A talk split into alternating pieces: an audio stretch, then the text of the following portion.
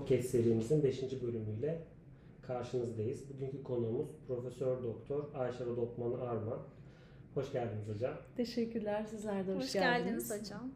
Ee, Bugünkü konumuz çocuklarda nörogelişimsel bozukluklar Ve ve, otizm. ve otizm üzerine olacak. Ee, Öncelikle e, Ayşe hocama bizi davet ettiği için çok teşekkür ediyoruz. Ben teşekkür ederim. Ee, Hocam sorularımızla başlıyoruz. Tabii. Ee, Ayşe Rodopman kimdir? Öncelikle bize kendinizden bahseder misiniz bizi dinleyenlere lütfen? Evet, e, ben tıp hekimiyim. E, 1986-92 yılları arasında Marmara Üniversitesi Tıp Fakültesi İngilizce bölümünde okudum ve 92'de mezun olduktan sonra e, TUS sınavımız var biliyorsunuz, tıpta uzmanlık sınavı. O sınava girerek e, çocuk ruh sağlığı ve hastalıkları e, o dönemin ilk asistanlarından olmayı başardım. Çok arzu ettiğim bir bölümdü. 91 yılında e, ana branş olarak başladı çocuk ruh sağlığı ve hastalıkları. O dönemde çok e, bilinmeyen, üstünde durulmayan bir branştı. E, şu dönemki popülerliğiyle karşılaştırdığımızda e, aslında hmm, biraz hani herkesin de şaşırdığı, neden seçtiğimizi düşündüğü bir branştı ama ben lise yıllarımdan itibaren hem psikoloji hem psikiyatri okumalarına e, çok önem veriyordum. İnsanların davranışları, ruhsal gelişimleri benim hep ilgimi çekiyordu. Erken yaşta çocukluk yaşında yapılan müdahalelerin ileride anlamlı olabileceğini düşünüyordum. E, o sebeple e, akademik hayatıma Marmara Üniversitesi Tıp Fakültesi'nde devam ettim. Uzmanlıktan sonra da e, sırasıyla e, doçentlik ardından da 2013 yılında profesörlüğü e, hak kazandım. 10 yıl kadar, 9-10 yıl kadar da kendi ana bilim dalımın idari başkanlığını yürüttüm. Ve birçok asistanımızın uzmanlığını gördük. Birlikte bir takım sorunları çözdük. Hastalara yardımcı olduk. O açıdan da çok şanslı hissediyorum kendimi. Halen kendi ofisimde özel muayenehanecilik hekimliğine devam ediyorum. Teşekkür ederiz hocam. Rica ederim. Ee, hocam, nöro gelişimsel bozukluklar hangi tanı gruplarını kapsar? Bize biraz bundan bahsedebilir misiniz? Tabii nöro gelişimsel bozukluk aslında e, bir e, şemsiye kavram, genel kavram. İçinde e, serebral palsi, zihinsel engellilikten e, başlayarak otizm, dikkat eksikliği, hareketlilik bozukluğu, obsesif kompulsif bozukluk, e, konuşma bozuklukları, dil gelişim zorlukları e, eşlik edebiliyor. E, ayrıca bu durumlar e, birbiriyle bağlantılı ve eş zamanlı da görülebiliyor. Yani bir e, otizmden bahsettiğimiz zaman dikkat eksikliği veya konuşma zorlukları da eşlik edebiliyor. Genellikle çok erken yaş döneminde e, karşımıza çıkıyor ve e, bir takım genetik bağlantıları ya da anne karnında e, hamilelik dönemindeki e, yaşanan zorluklarla ilgili bağlantıları ya da daha sonra doğum sonrasında bir takım toksik maruziyetler ya da enfeksiyonlar veya belki de daha sonra da çok üstünde duracağımız ilk dönem yakın ilişkiler, bağlanma ilişkileri bu nöro gelişimsel bozukluklar üzerinde çok etkili olabiliyor. Hatta hocam 2003 yılında Yale Üniversitesi'nde nöro gelişimsel bozukluklar üzerine çalışmış ve konuk öğretim üyesi olmuşsunuz. Bunu da bilgiler kısmında gördük. Evet, evet. Ee, Sağ olsun tabii her görüşmede, sohbette mutlaka bahsetmem gerekir. Yankı Hocam, Profesör Doktor Yankı Yazgan el aldığım hocamdır ve onun bağlantıları sayesinde de çünkü Yankı Hocam erişkin psikiyatri sonrasında Yale Üniversitesi'nde çocuk psikiyatrisi üst eğitimini tamamladı. Döndü Türkiye'ye ama Herhalde benden sonra da en az bir 10 e, asistan ya da uzman meslektaşım gitmiştir Yale Üniversitesi'ne. Oradaki organik bağ hala devam ediyor hocam sayesinde. Benim de bir iki aylık bir gözlem fırsatım olmuştu. E, misafir araştırmacı, e, öğretim üyesi olarak. E, orada evet çocuk gelişim e, ünitesi vardı ve e, çok fikir verdi hakikaten. Çok doğal bir ortam oluşturmuşlardı. Ailelerin, çalışanların bir arada olduğu e, bir kısmının laboratuvar olduğu ve tek taraflı aynanın bulunduğu, sürekli kayıtların yapıldığı ve e, bir doğal ortam içinde belki de birkaç gün alacak bir takım değerlendirmelerle çocukların takip edildiği ama çok bir e, şok etkisi olmuştu bence. Ben de biz böyle bir çocuk gördüğümüzde 2 ayı 3 ayı geçirmezdik yeni randevu vereceğimiz zaman. 6 ay 1 yıla randevu listeleri vardı. E, döndükten sonra meslektaşlarımla da en çok paylaştığım şey biz çok canı gönülden bütün ekip, bütün sağlık ekibi hani hastalara hizmet vermeye çalışıyoruz. Geciktirmemeye gayret ediyoruz. O çok çarpıcıydı benim için. Yani çok iyi bir hizmetti ama çok uzun bir bekleme listesi vardı.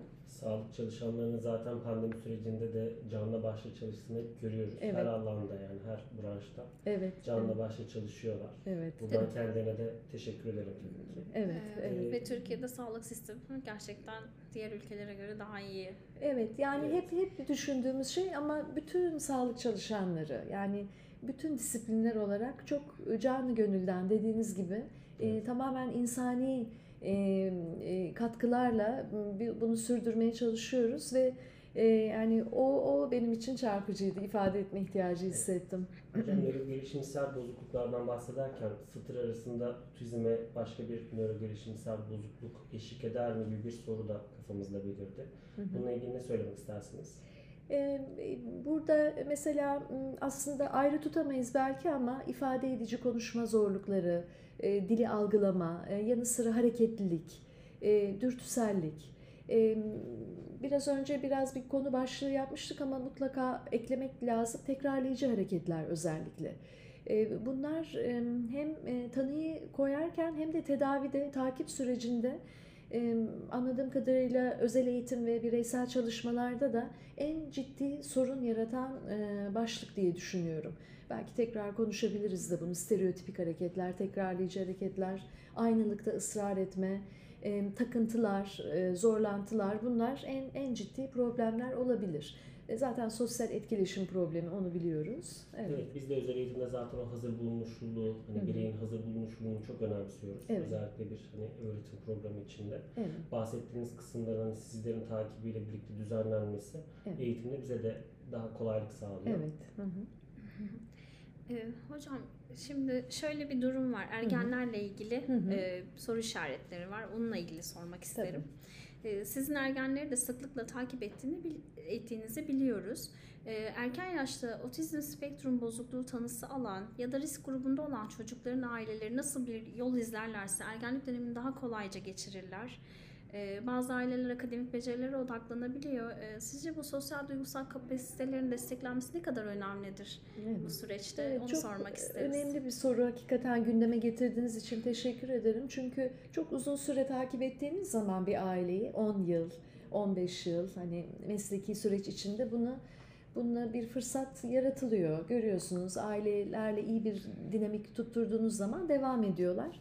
Küçük yaşını gördüğünüz e, otistik e, çocuğun ergenlik döneminde ya da yetişkinliğe geçtiğinde yani çok ciddi sosyal etkileşim zorlukları yaşadığını görüyorsunuz. Yalnız kalıyorlar. Arkadaş bulmakta çok ciddi zorlukları olabiliyor. Yani bir sosyal gruba dahil olmak, ergenlerin yaşadığı e, karşı cinsel ilişki, e, dostluk, arkadaşlık yani belki bir diğer aile için sıradan olabilecek bir takım durumlar o aileler ve gençler için çok zor olabiliyor. Yine aynı şekilde ergenlik dönemi zaten biraz fırtınalı bir dönem bütün gençler için. E mesela epileptik atakların tekrar ortaya çıktığını görebiliyoruz. E, cinsel gelişimle ilgili zorlukları yaşadıklarını görebiliyoruz.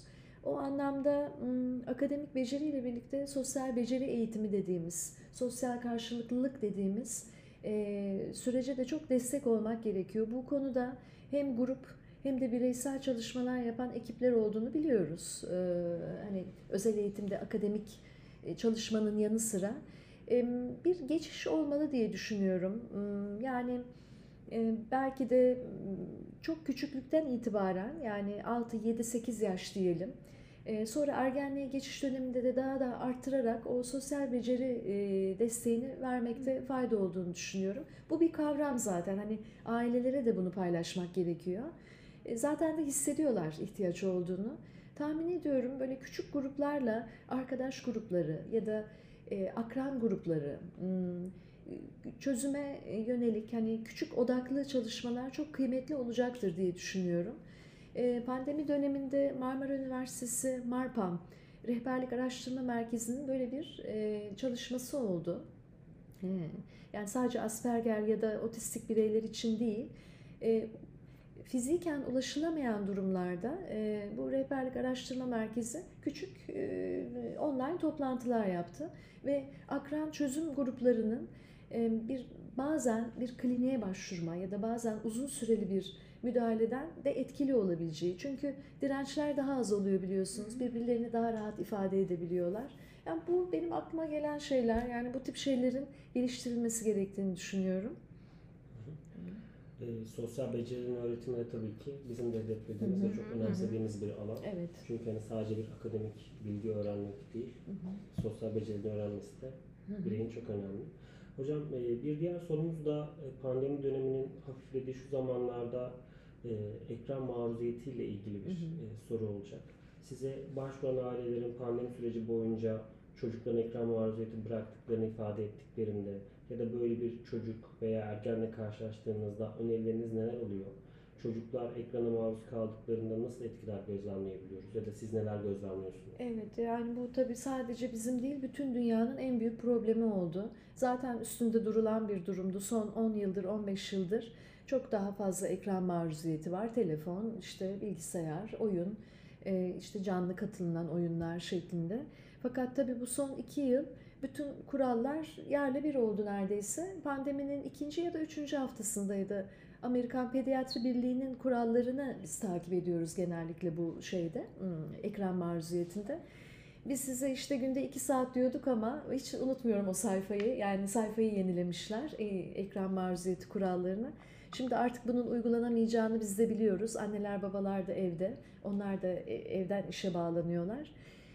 Yani bu belki çok e, basit bir e, uyarı gibi gelebilir size ama şöyle bir şey ekledi ilk defa tarihinde o e, kararlara.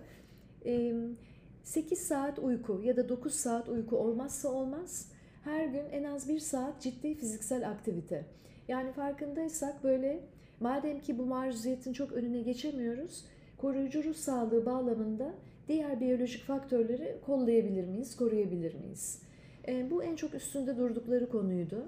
E, tabii hareket ediyor çocuklar diyoruz ama etmiyorlar. Yani bir saat e, ciddi fiziksel aktivite farklı bir durum. Program yapmanız lazım. Ailenin de bunu buna aklının yatıp bunu uyguluyor olması lazım. Aynı şekilde uyku da o şekilde. Çünkü biyolojik ritim çok bozuldu biliyorsunuz hepimizde. Uykular Evet. kaydı. Uyku saati kaydığı zaman yine belki 8-9 saat uyuyorsunuzdur ama inanın gece 4'te yatıp öğleden sonra 4'te kalkan çocukların uykularını biz düzeltmeye çalıştık. Tekrar kliniğe geldiklerinde ya da bize bir şekilde e, ulaştıklarında. Ee, çok kıymetli genç asistan arkadaşlarım sağ olsunlar pandeminin birinci ayında hocam dediler online e, anket yapalım. Google anket yapalım. Ben de onlarla öğreniyorum. E, anketi de ulaşabildiğimiz insanlara gönderelim. İlk defa 12-18 yaş grubu gençlere anket ilettik online. Tabii onlar çok seviyorlar böyle şeyleri doldurmayı. 450'nin üzerinde genç e, bireye ulaştık. Ki sonradan öğrendik ki direkt gençlere sorulan anketler çok yokmuş aslında. En çok ifade ettikleri şeyler uyku problemleri, sinirlilik, gerginlik, yeme içmede zorluklar. Ekran maruziyeti ile ilgili onlar çok fazla şikayet belirtmiyordu. Çünkü zaten arkadaşlarıyla sürekli telefon ve ekran üzerinden iletişim kuruyorlar ama şunu söylemekte fayda var. Aslında her ekranın karşısındaki birey e, ekran bağımlısı değildir. Böyle bir %10-15'lik bir grup var. Onlar çok ciddi bir grup. Hakikaten hani patoloji diyebileceğimiz.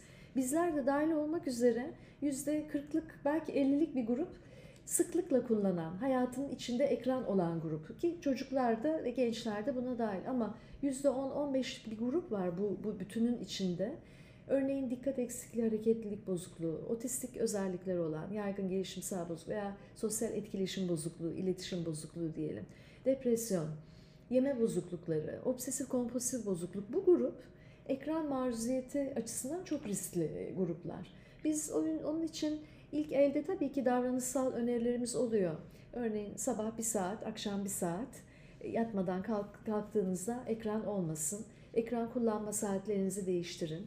Alarm, saat gibi şeyler kurun. Bunlar davranışsal öneriler ama onun dışında mutlaka arkada yatan psikopatolojiyi de ele almak gerekiyor. Yani tek suçlu ekran değil aslında ama iyi yer dolduruyor. Ödül sistemleri üzerinden çalışıyor ekran maruziyeti.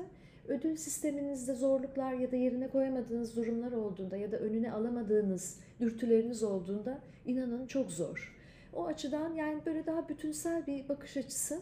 Fakat hani bunu da söylemeden geçmemem lazım. Aile medya planı oluşturmak gerekiyor. Yani ailece kurallara uymak.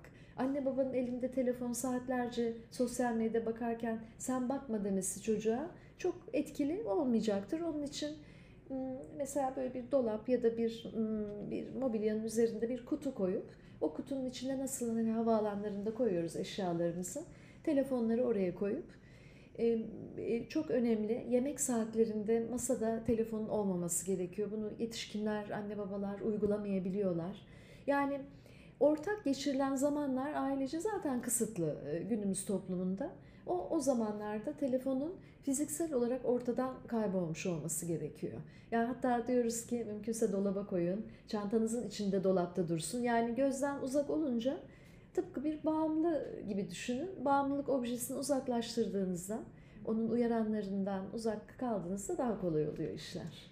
Ee, hı. Aklıma bir şey geldi hı. yeri gelmişken Evet. e, çocuklara özellikle küçük yaş grubuna bir şeyler yedirirken aileler Hmm, telefonu çok kullanıyorlar Evet. ya da tableti. evet. E, ben de bu e, bağımlılıkla ilgili ve iletişimle ilgili kısmı bozduğunu düşünüyorum. Evet, E, evet. çok çok haklısınız. Evet. Yani söylenecek hiçbir şey yok Evet. hakikaten ama bir mama sandalyesi gördüm ben. Ee, şey evet taşınabilir şey, koyma tableti var. tableti koyma yeri olan yani bilmiyordum. hani sözün bittiği yer hakikaten yani Ee, çok tekrar aynı şeye dönmek gerekiyor. Kolay.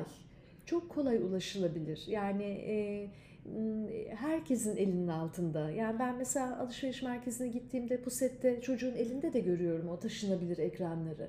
Yani düşünmüyoruz diye düşünüyorum. Kendimi de dahil ediyorum. Hani çocuklarım da olduğu için üstünde düşünmemiz ve etkilerini e, anlıyor olmamız gerekiyor. Biraz teknolojik bilinçlilik e, demek gerekiyor buna. Yani ne zaman çocuğum ekrandan bir şey baksın, ne kadar süreyle, ne zaman kaldırmam gerekiyor. Hocam bir de çok masum bir şey gibi görülüyor bence Evet, anne evet. babalar, ebeveynler tarafından. Evet, evet. Yani izliyor ne olacak hocam işte elinde izliyor ama erken çocuklukta özellikle iletişimsel alanda çalıştığımız çocuklarda Evet, evet. yani bunun zorluklarını görebiliyoruz. Hı hı. Motor planlamada özellikle zorluklarla karşılaşabiliyoruz. Evet, Yani evet, ekran o kadar da aslında evet. masum değil. Evet yani bir bir çeşit aslında şey hani davranış kuralı olarak da düşünebiliriz bunu. Sizler de yaşıyorsunuzdur. Restorana gidiyorsunuz. Yanınızdaki masada e, çok yüksek sesli video çizgi film seyreden çocuklar. Bir kere tam dediğiniz gibi o aile zaten birbiriyle bir yemek ilişkisi ve sohbet ortamı bulamadığı gibi yan tarafta oturanların da e, rahatını bozacak düzeyde yüksek tonda e, sesler. E, benim de böyle bir sese hassasiyetim var. Yani e, ortamdaki sesleri, konuşmaları, belki de meslek e, hastalığı artık bu bilemiyorum. Böyle bir maruziyetle birlikte e, ister istemez kulak kabartıyorum, dinliyorum ve benim keyfim de kaçıyor mesela. Çoğu kez uyar, uyarıyorum. Uyarsanız bir türlü, uyarmasanız bir türlü. Doğru evet. Yani aslında uzun lafın kısası yani biz teknolojiyi nasıl tüketeceğiz? Çocuklar teknolojiye doğdular. Bizden daha becerikli olduklarını düşünüyorum. Hatta son yayınlarda şey var. Lütfen çocuklarınızın kullandığı teknik terimlerin en azından ne olduğunu öğrenmeye çalışın. Konuşma içinde o ifadeleri geçirin. Çünkü bir dil birliği olması gerekecek. Siz isteseniz de istemeseniz de öyle artık zaten teknolojiyle birlikte ilerlenecek. Yani bunun nasıl e, ele alınacağı çok önemli. Bir e, Avrupa Birliği e, Çevrim İçi Çocuklar Projesi var. Belki görmüşsünüzdür yayınlarda. Son 20 yıldır takip yapıyor. E, 24 Avrupa ülkesinde. Türkiye'den de katılım var. Orta Doğu Teknik Üniversitesi e, Psikoloji Bölümü odaklı. Bir miktar kıpırdanma var Türkiye'de. Aileler biraz daha bilinçlenmiş. Çocuklarının neyi izlediğine, neye baktığına, içerik de çok önemli biliyorsunuz. Şimdi süreden ziyade içerik, nitelik ve ne kadar aktif katıldığı da ele alınıyor. Ailelerin birazcık daha bilinçlendiği görülüyor son taramalarda bu e, Avrupa Birliği çalışmasında. Takip etmekte fayda var. Yani bir e, ekranı kaldıralım kaldırmayalımın ötesine geçen bir durum. Evet. E, çok öğrenecek şeyimiz var daha. evet. Yani teknoloji bizi tüketmesin mümkünse. İyi, iyi kullanalım, Evet. yeterli Biz kullanalım. onu tüketelim Tabii, uygun tabii, bir tabii. zaman diliminde. Tabii ki mesela bu aklıma geldi hemen Metaverse çok gündemde biliyorsunuz. Geçen de Facebook'a bakıyordum. Abi baktım meta olmuş, simgesi değişmiş. Oğluma da söyledim bak oluyorum diye gördüm zaten dedi. Yani hani onlar bizden hakikaten çok hızlı. Tabii Türkiye'de hemen e, Metaverse üzerinden e, sanal arsalar satılmış. Ama çok hoş bir anekdot okudum bir e, teknoloji e, üniversitesinden bir e, araştırmacı e, hocamızın. Yani Metaverse e, hayali arsa satmak için değil, bütün sosyoekonomik düzeydeki insanları, ulaşılamayan yerdeki kişileri ortak bir alanda toplayıp e, bilgiyi ve teknolojiyi birlikte paylaşmayı kolaylaştırmak için yapılacak bir şey olsa gerek diye düşünüyorum demiş. Yani böyle bir farklı bir. Evet, evet, evet yani.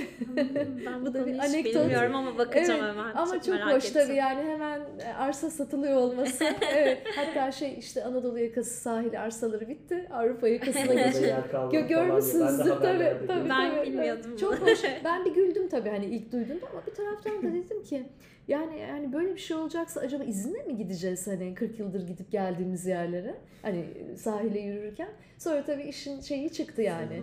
Hep bir evet yani orada da böyle bir kolaycılık, e, Evet. çabuk halletme, işte yer kapma gibi bir süreç var ama asıl yani iyi kullanıldığında hakikaten e, bence anlamlı olabilir diye düşünüyorum. Evet. Evet. hı hı. Hocam e, şimdi özellikle Hı. pandemiden bahsetmişken e, pandemi sonrası bizim gözlemlerimiz çocuklarda konuşma bozukluğu şikayetleriyle e, başvuran aileler oldu. E, bu durumu tanıma, tanılama sürecinde siz nelere dikkat edersiniz? Nasıl bir yönlendirme yapmayı düşünürsünüz? Hı hı. Evet, e, bi- bizim de çok dikkatimizi çeken bir şeydi bu. Çünkü ilk önce çocuklar girdi. Mart 20 2020 en son çocuklar çıktı evden, değil mi? Evet hocam. İki, bir buçuk Evet, yıllık okullar kapandı, tabii okullar en son onlar Evet. çıktılar. Yani hani tüm topluma göre galiba en çok onlar evde durdular diye biliyorum. Ee, Sizlerin yaşantılarınızdan çok iyi biliyorum. Özel eğitime devam edemediler değil mi? Hı Orada da evet. bir takım zorluklar oldu. Sonra özel izinler alındı. Dışarı çıkılabildi veya e, eğitime gidilebildi. Yani 0-3 yaş grubu için tabii sosyal etkileşim, e, insanlarla bir arada olma, doğal ortamda e, etkileşime geçme çok önemli. Hiç evden çıkmayan aileler olduğunu biliyorum. Korkuyla da ilgili bir şey bu. Başta hepimiz çok tedirgin olduk. Hani bilgileri alana kadar pandemi döneminde.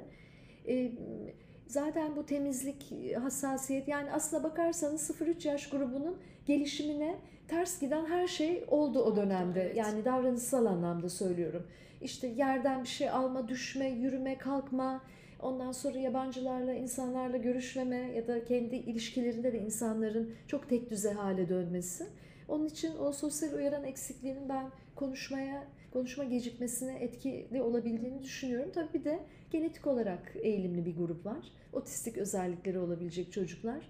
Biz hep ne diyoruz hani ne kadar erken hani bir yaşta bile bir takım şeyleri fark etsek müdahale ederiz ama tıbbın diğer alanlarında olduğu gibi bu otistik çocukların tanılanmasında da çok ciddi gecikmeler oldu maalesef.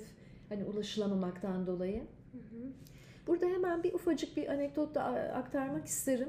Ee, Sağlık Bakanlığı bünyesinde otistik çocuklar ve gelişimsel bozukluklar e, koordinasyon birimi açıldı.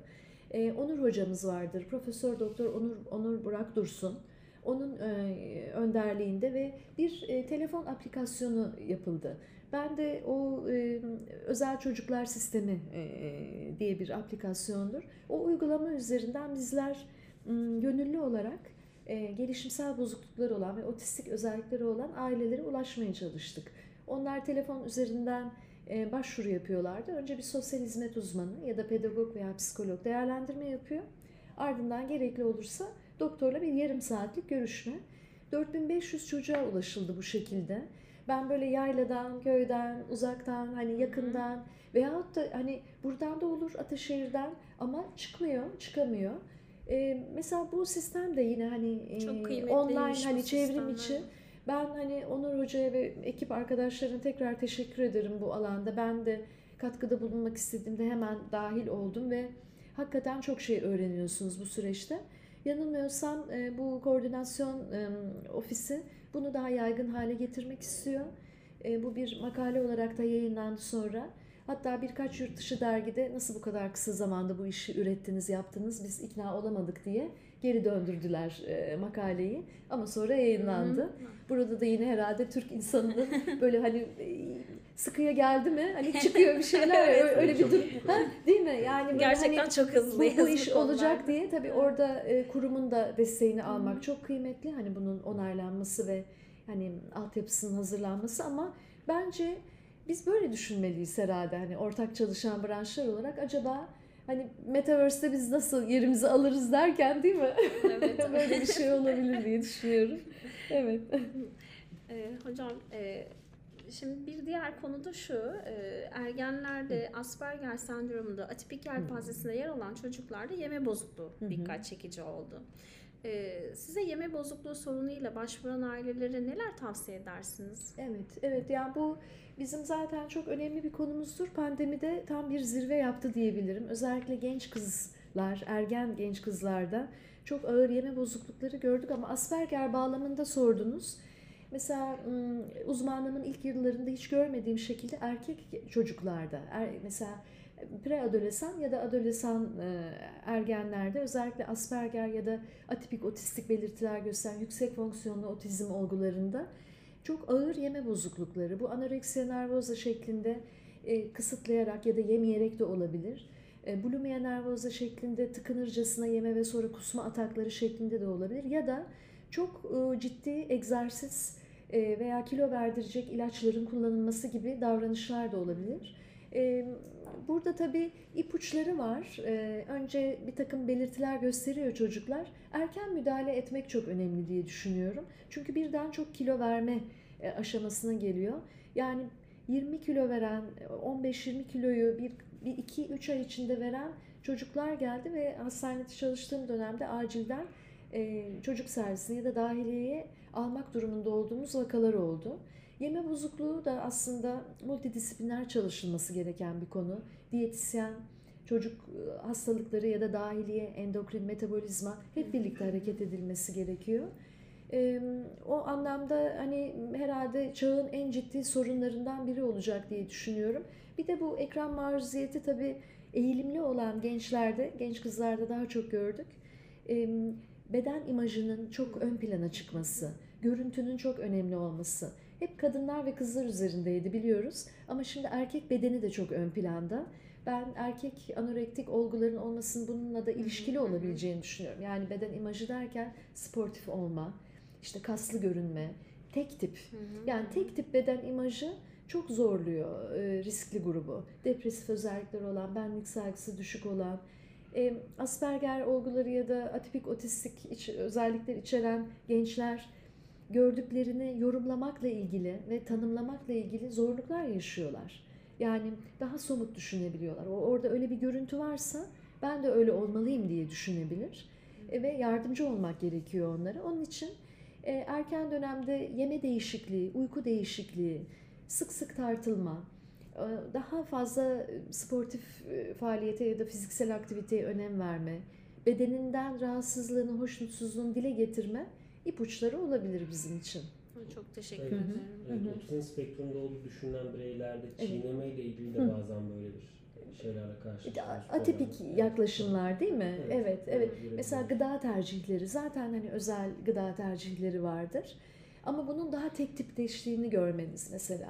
Hani işte piyasada da satılan kalorisi düşürün ya da hani sadece böyle pediatrik hastalıklarda kullanırız. Hı hı. Özel protein Evet, mamaları evet. gibi o tip şeyler.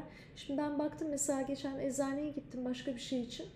Çok bildiğimiz bir ve de güvendiğimiz bir firmanın e, tozları böyle yani orada duruyor. İşte kilo vermek istiyorsanız bu tozları karıştırarak bütün gününüzü geçirebilirsiniz diye. Yani işte burada da hani biraz önce teknolojiyi doğru kullanalım, okur yazarlığımız olsun. Gıda okur yazarlığı da çok önemli bence. Yani bunlara herhalde daha çok dikkat edeceğiz. Çünkü e, sektör satmak ister. e, ulaşmak ister değil mi? Onun şeyi odur zaten. E, orada biz daha e, farkında olacağız gibi görünüyor bu Hı. süreçte. Şimdi Hı hı. siz e, söyleyince tozlarla ilgili e, Hı. ben de şöyle bir şeyle Hı hı. karşılaştım. Yeme bozukluğu olan 3 yaşlarında e, bir öğrencimiz Hı hı. e, protein tozu kullandığını Hmm. yani takviye olarak. Aile mi vermiş? Evet, yemek Hmm. yemediği İşte, için. Tabii. Ama o zaman da enerjisi çok yüksek, kalori değeri çok Hı hı. yüksek olduğu için çocuğun çok ciddi bir hareketlilik e, Tabii, durumuyla karşılaştık. Metabolizması e, Evet, evet. değişti tabii. Metabolizma Evet, değişti. evet. E, metabolizma doktoruna yönlendirmeyi uygun bulduk o noktada da Tabii. E, ve o bir düzenlendi. E, Evet, çok iyi Ondan vazgeçildi Evet. ve gerçekten hiperaktivite yani bu hareketlilik Hı hı. konusunda da e, yol kat edebildik, sakinleşti, daha e, hani yaşına uygun davranmaya başladığı Hı hı, gibi e, yani bu tozlarla ilgili kısmı gerçekten bir doktorla birlikte Evet, ayarlamak Aynı lazım. şekilde enerji içecekleri de onlar da biliyorsunuz hani markete girdiğinizde çok gözünüzün önünde daha geride duruyor olması lazım. Çok yüksek düzeyde kafein içeriyor. Ee, ama hani sadece gelişimsel zorlukları olan çocuklar, gençler için değil, bütün çocuklar için. Ee, Doktor e, Veysi Ülgen'le bir araştırmamız oldu. Onun test çalışmasıydı. İnternet bağımlılığı ile ilgili bir çalışma yaptığımızda ne yer ne içerler biliyoruz zaten ekran karşısında yiyip içtiklerini de ekran bağımlılığı, internet bağımlılığı patolojik düzeyde olan çocukların belirgin düzeyde e, enerji içeceği tüketimi de çok yüksekti. Ben daha önce görmedim herhangi bir yayında böyle bir şey. O, da önemli oldu bizim paylaşımımız açısından. Yani bazı durumlarla daha da söylediğiniz gibi bazı gıda tüketimleri ya da bir beslenme şekli bir araya da geliyor. Biz herhalde daha çok bunlara dikkat edeceğiz. Yani yansız bir biçimde dinleyeceğiz. Yani iyi öykü almak, hastanın hani olağan yaşantısını dinlemek o açıdan çok önemli. Evet hocam e, Hı hı. buradan sizin bir çalışmanıza geçmek isteriz. E, Çalışmalarınızın birinde dikkat eksikliği ve hiperaktivite bozukluğu olan ve olmayan çocuklarda karşıt gelme bozukluğunu araştırmışsınız. E, Dikkat eksikliği, hiperaktivite bozukluğu ile karşıt gelme bozukluğunun ilişkisi ya da bunları birbirinden ayırt eden şeyler nelerdir? E, Bunu bize açıklayabilir misiniz? Evet, e, doçent doktor Sebla Gökçe yine Marmara Üniversitesi Tıp Fakültesi uzmanlarından sevgili e, Sebla'nın ilk isimde e, yaptığımız bir çalışmaydı. Şimdi zaten dikkat eksikliği hiperaktivite bozukluğuna yaklaşık %40 oranında, %30-40 oranında eşlik ediyor. Karşı olma, karşı gelme davranışı. Fakat e, bir tanı olarak koymak çok kolay olmayabiliyor. Çünkü bir davranış paterni olduğu için ve de ben e, sadece çocuktan kaynaklandığını düşünmüyorum. Bir aile iletişim modeli olarak görüyorum. Çünkü karşı olmaya, karşı gelen ya da inatlaşan biri olmazsa o şey çok kolay devam etmez diye düşünüyorum. Nitekim bu araştırmada da öyle gördük. Özellikle negatif duygu e, paylaşımı ya da e, kısıtlayıcı, yargılayıcı, e, çok kontrol edici yaklaşımlar ya da tam tersine hiçbir disiplinin olmadığı, bir başıboşluğun olduğu dönemlerde, durumlarda bu karşı olma, karşı gelme, inatçılık, kendi istediğini tutturma, hmm, her şeye ilk önce bir hayır ifadesiyle yaklaşma çok sık gördüğümüz bir durum bizim. Sanki neredeyse aslında olağan bir şeymiş gibi algılanır ama bence ilişki temelinde dikkat eksikliği, hiperaktivite bozukluğu tedavisinde mutlaka ele alınması gereken bir durum. Çünkü uzun vadede müdahale edilmediğinde davranış bozuklukları, antisosyal eğilimler e, ve bazen madde alkol kullanımı eğer iyi de tedavi almamışsa tedavi sürdürme hani tıbbi tedavi anlamında söylüyor çok ciddi sorunlar da karşımıza çıkabiliyor. Hı hı. Evet, e, ailelerin e, merak ettiği Hı hı. konulardan birisi de e, hocam şu. e, otizm tanısıyla da dikkat eksikliği, hiperaktivite bozukluğu tanısı almış çocukların kardeşlerinde de bazı nörogelişimsel e, sorunlarla karşılaşılabilir mi? Bunlar görülebilir mi? Hı hı. E, bunu merak ediyorlar ve hani nelere dikkat etmeliyiz diye. Bununla ilgili de bir açıklama yaparsanız çok mutlu Tabii. e, zaten hani otizmle takip ettiğimiz aileler özellikle bebek sahibi olmak istediklerinde de bize bu soruyu yöneltirler. E, hakikaten bir oran artışı olabiliyor e, kardeşlerinde. E, hani olası e, otizm açısından. E, biz bu oranları ve hani riskleri ailelere aktarıyoruz. E, diğer yandan da çocuklarını getiriyorlar. Tabii kardeşlerini de getiriyorlar. E, Bir kere her şeyden önce e, ailede e, kronik yoğun takip edilecek ve emek verilecek bir hastalığın olması kardeş ya da abla abiler açısından çok zor bir durum. Hani sağlıklı diyebileceğimiz diğer üyeler açısından. Çünkü dikkatin odaklanması, ilginin diğer bireyin üzerinde olması, onun ihtiyaçlarının bazen karşılanamaması ya da çok çabuk olgunlaşmak durumunda olması, bir takım şeylerin ihmal edilmesi olası.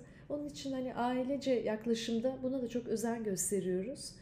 Hmm, Dikkat eksikliğinde de otizmde de e, artışlar var. Yani oran olarak daha sık görebiliyoruz ama tabii bu e, diğer yandan da özellikle otistik çocukları olan aileler çocuk sahibi de olmak istiyorlar. Tahmin ediyorum sizin de çok sık yaşadığınız bir şeydir bu. Evet. E, yani biz e, siz karar vereceksiniz yine diyoruz bir takım olasılıklardan bahsederek. Bilmiyorum hani sizlerin e, şeyini de duymak isterim aslında. Biz de aslında aynı şekilde Değil mi? konuşmaktan hı. yanayız tabii. Çocuk sahibi olma fikri çok başka bir Tabii e, ki. durum. Tabii. Evet. Ee, ben genelde şununla karşılaşıyorum. Otizm tanısıyla gelmiş ya da risk grubuyla gelmiş e, küçük çocukların ablalarında ya da abilerinde bir hareketlilik yani tanım e, doktora gidilmemiş belki ama Hmm, bir dikkat hı eksikliği. Evet, Yani anne ya da baba böyle ifade edebiliyor. Evet. Hiperaktif sanki biraz hareketli.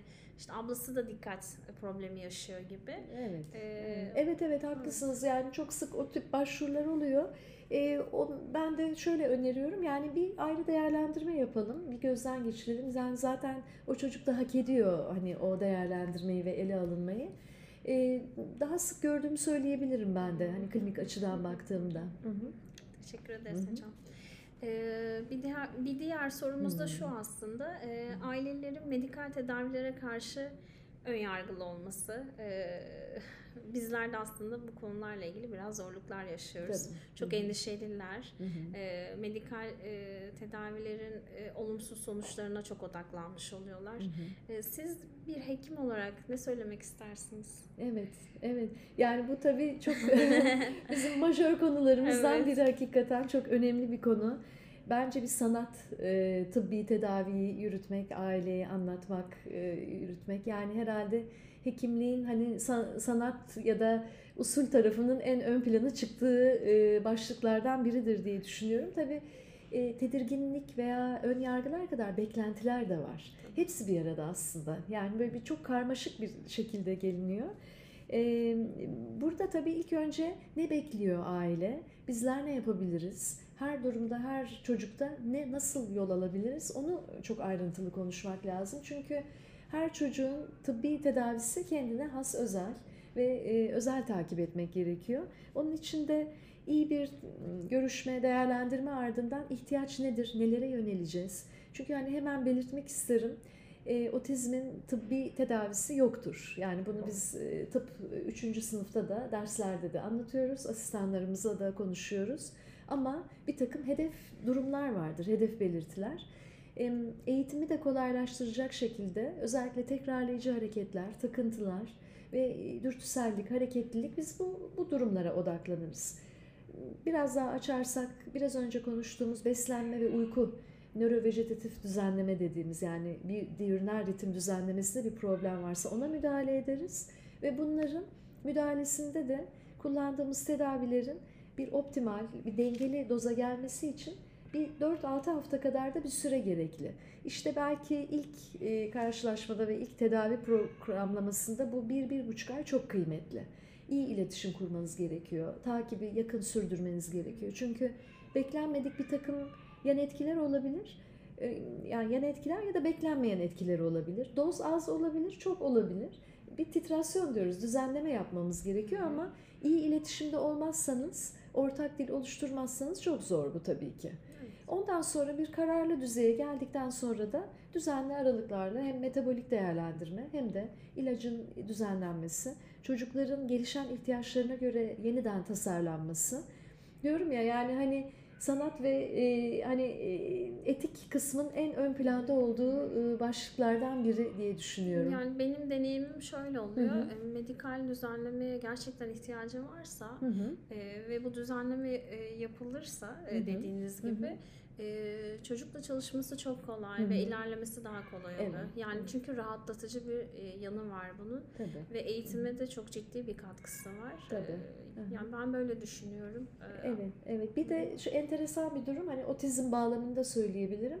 Stereotipik hareketlere, takıntılı tekrarlara iyi müdahale edebildiğiniz zaman iletişimsel kısmın arttığını da görebiliyorsunuz.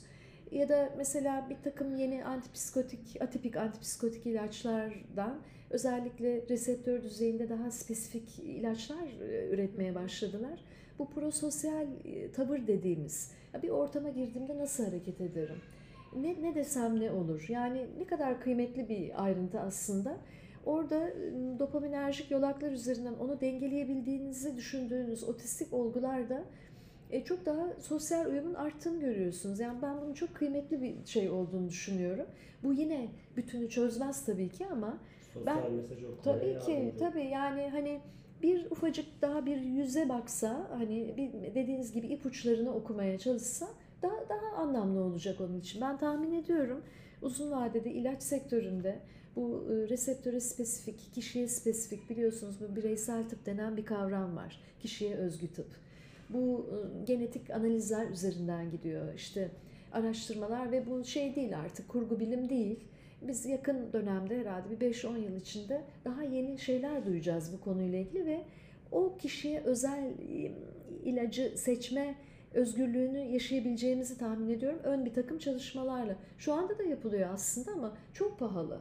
Çok yüksek teknoloji ve herkese uygulanması çok zor. Ama bunların yaygınlaşacağını tahmin ediyorum ben. De bu e, ilaç kullanımıyla medikal destekle ilgili e, ailelerin internetten yaptığı Ya. araştırmalar da maalesef çok kafalarını karıştırıyor. Çok. Orada yapılan yorumlar. Evet. Aileler hani bireye özgü olma kısmını unutup oradaki yorumlara sadece odaklanabiliyorlar. Hı hı.